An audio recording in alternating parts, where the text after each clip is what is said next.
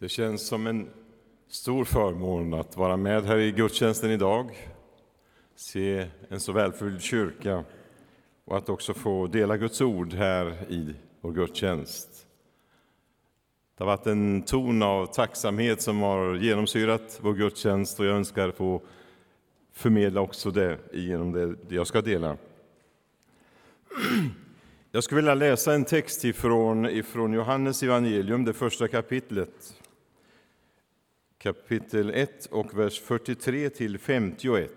Johannes 1, från vers 43 till 51. Nästa dag tänkte Jesus bege sig därifrån till Galileen. Då träffade han Filippos. Han sade till honom, följ mig.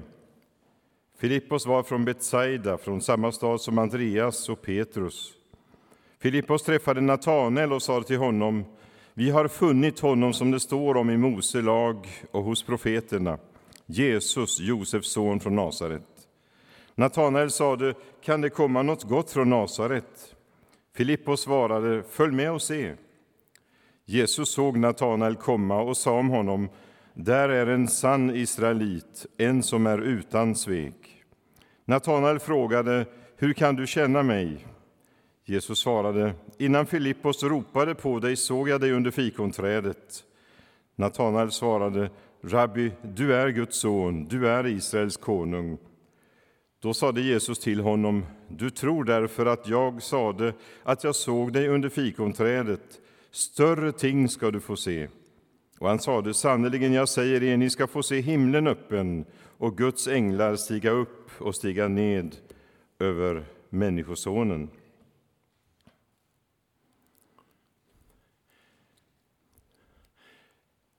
Den här sommaren under början av vår semester så gjorde Ulla och jag en resa söderut. Vi åkte längs Sveriges ostkust ända ner till Blekinge. Vi kom inte längre, men där var vi en hel vecka och hade en underbar, eh, underbara dagar där. Men på vägen dit så valde jag medvetet att åka förbi en plats där jag har bott och levt under mina tidiga år från 10 till 17 års åldern. Om jag skulle säga ordet Jämserum är det bara några få här i samlingen som känner till var det ligger. Men där, 18 kilometer norr om Oskarshamn, där bodde jag och min familj. Min far var pastor. Och när vi åkte där den här vackra dagen så kom vi förbi Jämserum. Jag pekade ut för ännu, ännu en gång för Ulla var huset är där jag hade bott en del år. Men framförallt tänkte jag också på den lilla vackra Jämserumssjön. Och då påminner jag mig om, med stor tacksamhet, en solig sommarsöndag när jag döptes där i sjön tillsammans med fyra andra ungdomar. När jag eh, gjorde ett syn, eller tog ett synligt beslut av att följa Jesus. Det var ett viktigt och avgörande alternativ för mig att bli döpt och säga ja till Jesus och börja en medveten vandring med honom. Och trots brister och fel så har jag alltid vetat det finns inget alternativ. Jag vill fortsätta att följa Jesus för resten av mitt liv. Det finns inget alternativ. Och trots att jag var bara 11 år gammal visste jag vad jag gjorde och var oerhört medveten om det här är en viktig dag för mig och min framtid. Vi åkte ner till sommarhemmet, det vackra Västra Gård. En liten runda bara, nostalgisk tur som man kunde säga. Och gick ur och promenerade lite grann. Och där var platsen som för mig betydde lika mycket som Östgötagården har betytt för många här eller Teen Street nere i Tyskland någonstans, eller verkstaden där ni var i natt och igår framför allt kanske, där man gör andliga upplevelser och erfarenheter. Där nere på Västra Gård påminner jag mig också om speciella tillfällen när kallelsen mognade fram till ett beslut att gå vidare och gå in i en tjänst för Herren på det sätt som livet ändå har gestaltat sig. Det är intressant att läsa evangeliernas skildringar av hur det började när Jesus framträder. Han börjar med att kalla lärjungar. Han kallar människor som har olika bakgrund och var mycket olika varandra. Jag tänker på Simon Seloten, den politiskt medvetna rebellen och Matteus tullindrivaren, två som var raka, varandras raka motsatser. De kunde inte ha varit mera olika och de kallas in i en gemenskap med Jesus, att bli följeslagare till honom. Och fler och fler började följa Jesus och vandra med honom. Och jag är så tacksam att veta att också idag kallar Jesus människor. På olika sätt nås unga och äldre av evangeliets kallelse till frälsning och till ett förvandlat liv. En kallelse till ett meningsfullt liv och till gemenskap med Jesus Kristus själv.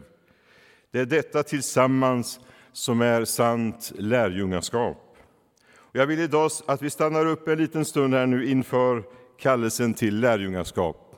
Och för att göra det enkelt för dig att komma ihåg efteråt så har jag tre mycket enkla punkter. Kallelsens kom, kallelsens du och kallelsens gå. Det kommer ni ihåg efter den här söndagen, om ni inte kommer ihåg något annat. Kallelsens kom, det är en klar och tydlig, otvetydig uppmaning.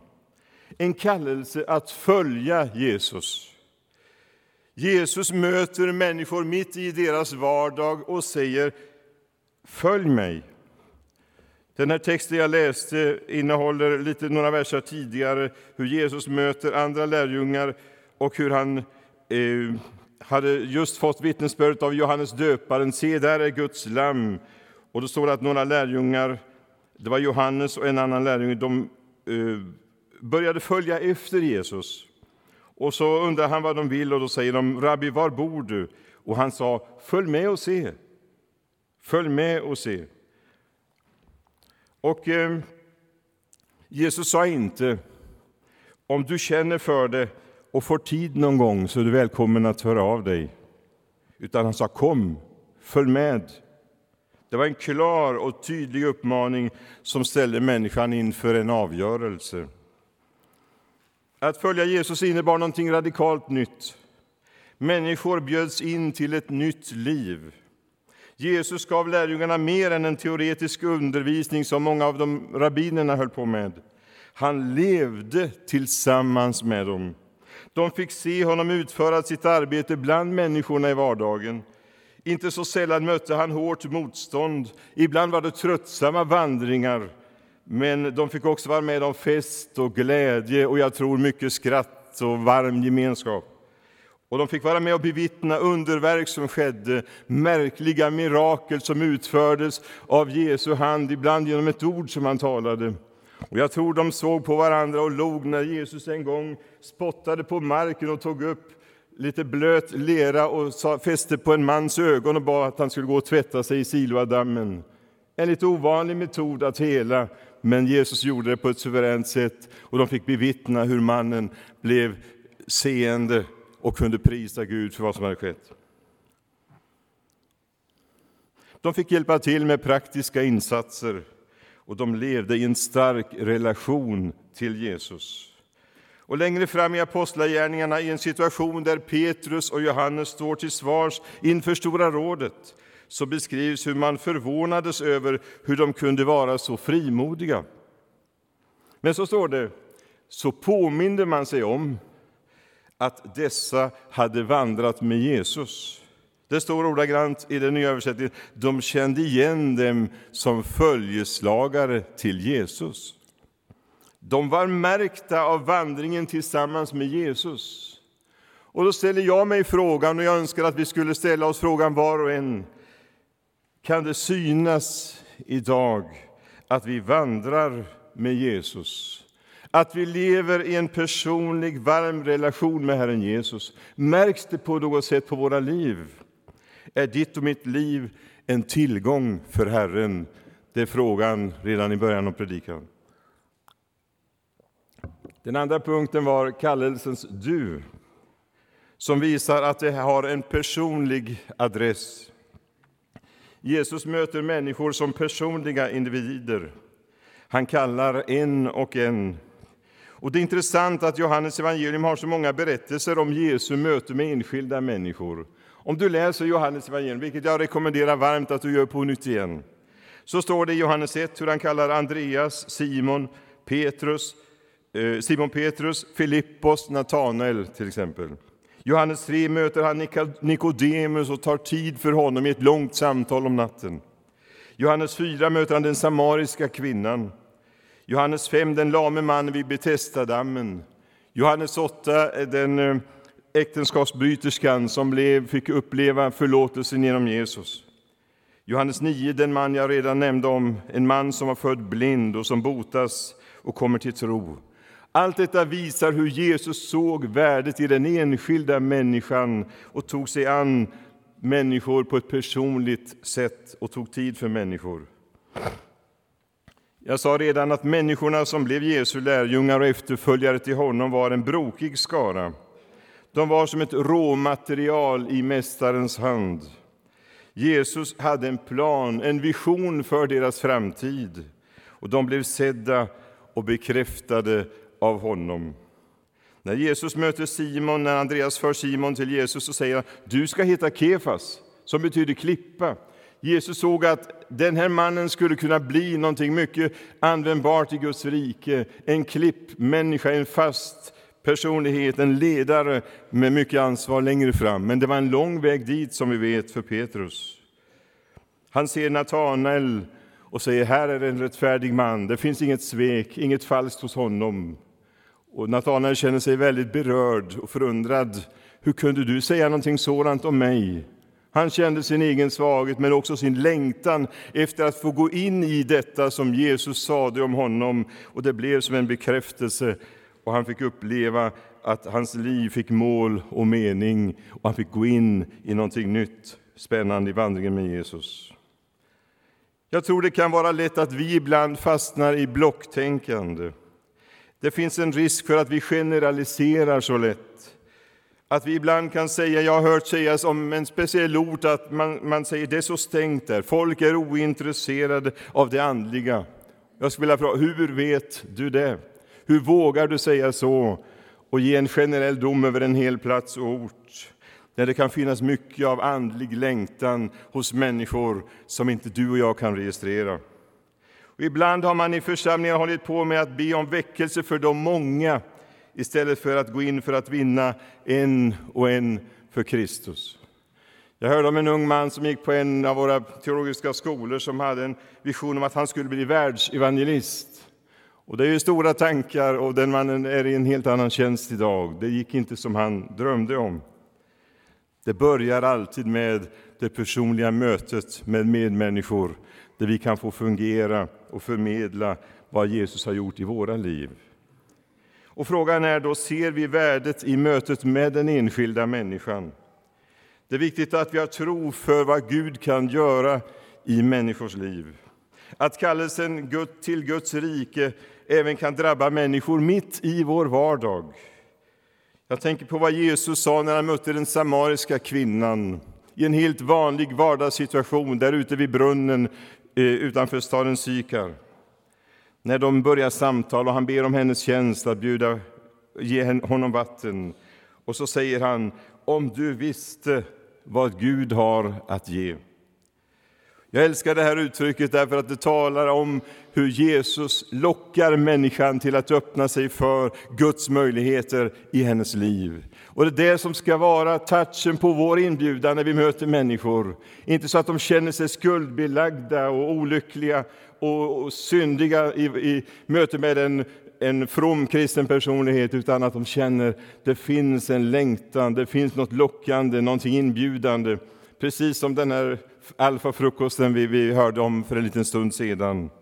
Vi kan få vara med och förmedla den inbjudan till människor. Tänk på hur Jesus såg och visste om människans anonyma längtan. Huvudexemplet kan vara Sakaios möte med Jesus, som vi alla känner till som är långt mer än en söndagsskolberättelse med dramatiska inslag. Det handlar om hur Jesus såg hans längtan, hans ensamhet, hans sökande och hur han möter honom på det sätt han behöver så att hans liv blir totalt förvandlat. Det är så underbart att gång på gång få läsa livsberättelser om människor som i vår tid har mött Kristus och fått sitt liv förvandlat. Och det sker idag. Jag önskar vi skulle ha den här tron stark och levande. Det sker idag, det kan ske mitt i vår värld, mitt i våra sammanhang. Och vi kan få uppleva en höst som blir en tid av skörd för Guds rike, när många individer, en efter en, ska bli vunna för Kristus. Kanske inte sker i ett stort dramatiskt sammanhang, men det kan ske på ett plan där du och jag får möta människor, där vi kan få förmedla en hälsning från Jesus som vi tror på och vill leva för. Kallelsen kräver ett personligt beslut. Jag tänker på texten i Johannes 6 när Jesus ser hur en del av hans lärjungar till och med börjar lämna honom och gå bort ifrån honom på grund av att de inte stod ut med hans radikala förkunnelse och det tal som han, han, han gav där vid det tillfället. Det står att för detta tal skulle vara det många som drog sig bort så att de inte längre vandrade med honom. Och då säger Jesus till de tolv som stod närmast, och ni då, säger han, inte vill väl också ni gå bort? Inte vill väl ni göra som de andra nu? Och då tycker jag Petrus svarar så underbart, de ord som är, lyser fram så starkt i Bibeln alltid, när han säger Herre, till vem skulle vi gå? Du har det eviga livets ord och vi tror och vi vet att du är Guds helige. Herre, till vem skulle vi gå? Lärjungarna ställs på nytt inför en personlig avgörelse.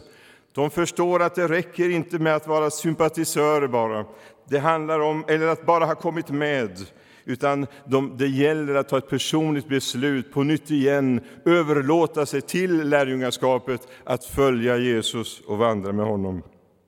Och det är viktigt att också i vår tid leda människor fram till en personlig avgörelse för Kristus. Det får vi aldrig missa, mina vänner. Det finns inga genvägar in i Guds rike. Och här behöver vi vara tydliga så att vi tillsammans med många andra kan sjunga Jag har beslutat att följa Jesus och aldrig mer tillbaka gå. Jag har beslutat att följa Jesus.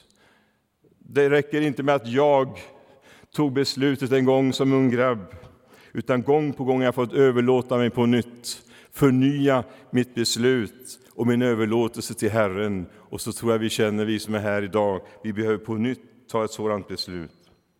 Till sist kallelsens gå. Det handlar om ett personligt uppdrag. Lärjungaskapets följder. För lärjungarna blev det ett nytt sätt att leva. Att följa Jesus innebär att de drogs in i tjänsten för honom, i tjänsten i Guds rike. Lukas 10 berättar om hur Jesus sänder ut en grupp av lärjungar. Och jag läser till. Därefter utsåg Herren ytterligare 72 och sände dem före sig två och två till varje stad och plats dit han själv ämnade sig. Han sa till dem, skörden är stor, men arbetarna få. Be därför skördens Herre att han sänder ut arbetare till sin skörd. Gå, gå, jag sänder er. Jag skickar er som lamm in bland vargar. Och lärjungarna gick ut, och sen kommer de tillbaka mycket glada och ger sin rapport. Det hade fungerat. Och dessa lärjungar eh, får berätta om vad, de, vad som hade hänt i, som resultat av deras tjänst för Jesus. Och då står det i samma stund fylldes han med jublande glädje genom den heliga Ande och sa, jag prisar dig, Fader, himlens och jordens Herre. Och jag vill ge en personlig tolkning av den här texten som jag summerar så kort här att lärjungarnas lydnad och tjänst beredde Jesus en stor glädje. På samma sätt som en tränare gläds när hans idrottskille eller tjej lyckas göra en toppresultat. Vi har sett under de här stora idrottstävlingarna som har pågått eh, i friidrott och så vidare, när vi ser eh, hur kameran fokuserar på läktaren där tränaren sitter, hur, hur de hoppar upp och blir helt utom sig av glädje när någon där inne på banan så att säga lyckas och överträffar sig själv och de ser resultat av sin möda. Jag tror lite av det där känslan hade Jesus när han lyssnar in lärjungarnas rapporter och hör vad som hade skett. Och samtidigt säger han, kom ihåg att ni ska inte främst glädja er över att andarna är underdåniga, utan gläd er över att era namn är skrivna i himlen. Kom ihåg, den viktigaste grunden för glädjen är det som har med mitt verk för er genom min död uppståndelse. Det är underförstått i det här. Våra namn är skrivna i himlen på grund av vad Jesus har gjort för oss. Och den glädjen kan ingen ta ifrån oss. Den är djupare än glädjen över framgång. Den är djupare än alla andra segrar därför att den vilar på säker grund på det som Jesus Kristus har gjort för oss. Apostlarna och lärjungarna fortsatte att vittna om vad Jesus hade sagt och gjort. Efter Jesu död och uppståndelse efter pingstdagen gick de under Andens ledning ut med de goda nyheterna om Jesus. I Markus 16 och 20 är en sammanfattning kan man säga, av hela apostlagärningarna. Det står så här, lyssna. Men de gick ut och predikade överallt, och Herren bistod dem och bekräftade ordet genom de tecken som åtföljde det. De gick ut de kände en drivkraft, Kristi kärlek tvingade dem och de gick ut för att berätta om Jesus, gå in i lydnad som hans lärjungar. Får jag säga då, vi är alla kallade att vara med att vittna om Jesus. Det har du redan förstått av min framställning här. Han överlämnade inte arbetet åt vissa professionella. Det gäller oss var och en, varje kristen, ung eller äldre, man eller kvinna, Jesus söker lärjungar också idag. Och Det handlar om att på olika sätt göra Jesus Kristus känd. Att på ett naturligt och trovärdigt sätt leva ut vår kristna tro i den miljö där vi finns. Tänk efter själv var du rör dig, var du tillbringar din vardag och vilka människor du möter. Där vill Jesus använda dig och du får vittna om honom och du får vara med och sprida en Kristusdoft som aposteln Paulus säger. Kanske är det så att vi behöver be om en förnyad glöd i vårt vittnande. Jesus sa till lärjungarna att de skulle dröja kvar i Jerusalem och när den heliga Ande kommer över er ska ni få kraft och bli mina vittnen, säger Jesus. Och han vill ge oss en större frimodighet där vi tror på vårt budskap och är beredda att stå för vår tro. Paulus säger till sin andlige son Timoteus, han skriver i sitt brev så här, skäms alltså inte för vittnesbördet om vår Herre och inte heller för mig som är fånge för hans skull, utan lid för evangeliet du också, med kraften från Gud. Han har räddat oss och kallat oss med en helig kallelse, inte på grund av våra gärningar, utan genom sitt beslut och sin nåd som han har skänkt oss i Kristus Jesus redan före tidens början. Paulus sitter i bojor i Rom och skriver det här brevet till Timoteus. Och han säger, skäms inte för evangeliet. Du som är ute på banan, du ska verka för Guds rike. Var inte rädd, var inte, skäms inte, var inte blyg för det som är din viktigaste uppgift och kallelse nu. Se på mina bojor, jag är beredd att ge mitt liv för detta. Må du hämta styrka av mitt exempel. Kom ihåg att jag har lidit mycket för Kristus, men jag vet att det är värt alltsammans. Om inte så många veckor kommer jag och vår yngste son Andreas att åka ut för ett besök i Centralafrikanska republiken, där ni vet att jag har arbetat. Jag hoppas och ser fram emot att få möta en nära vän, pastor Moussa Kiafi-Pierre. Han gav ett starkt vittnesbörd i den stora ungdomskonferensen en gång på en plats som heter Bauro, där han berättar om när rebellerna var aggressiva där i huvudstaden Bangui, där han var pastor. När man under vapenhot förde honom bort inför familjens ögon de stod uppradade mot en vägg, var och en med vapen riktat mot sig, och pastorn ville man föra bort för att straffa honom. Man trodde han hade gömt vapen i sin bostad. Och då ropar han och säger till rebellerna, jag är en Guds tjänare. Ska ni döda mig, så gör det på den här kyrkans tomt.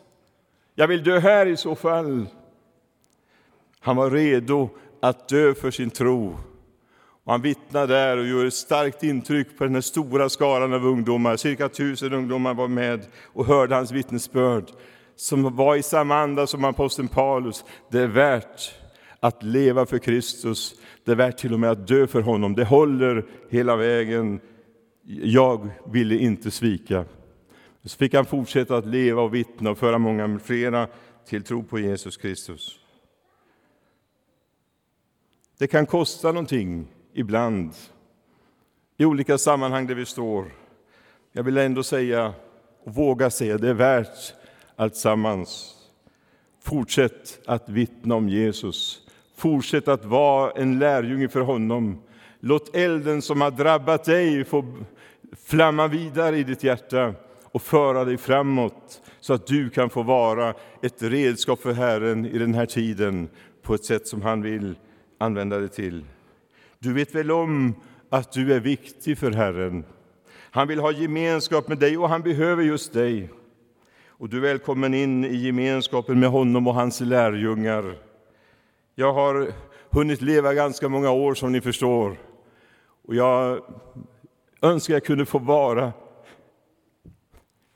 ett trovärdigt vittne om att det håller, om att det är värt att satsa för Jesus Kristus.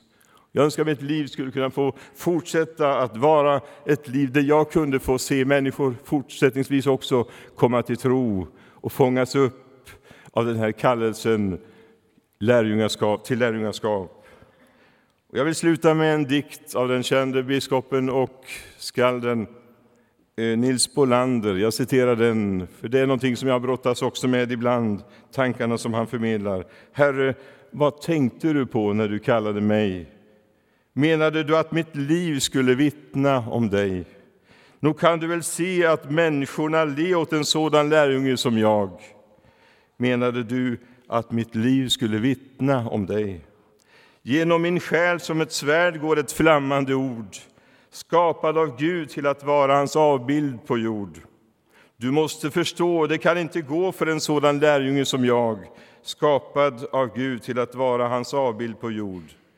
Hur ska jag, svage, bestå inför Guds heliga krav? Mästare, ge mig din kraft, du som kallelsen gav. Fast människorna ler, låt undret dock ske med en sådan lärjunge som jag. Mästare, ge mig din kraft, du som kallelsen gav. Den här sången är också tonsatt av Dan-Inge Olsson. En del har sjungit den och känner igen den.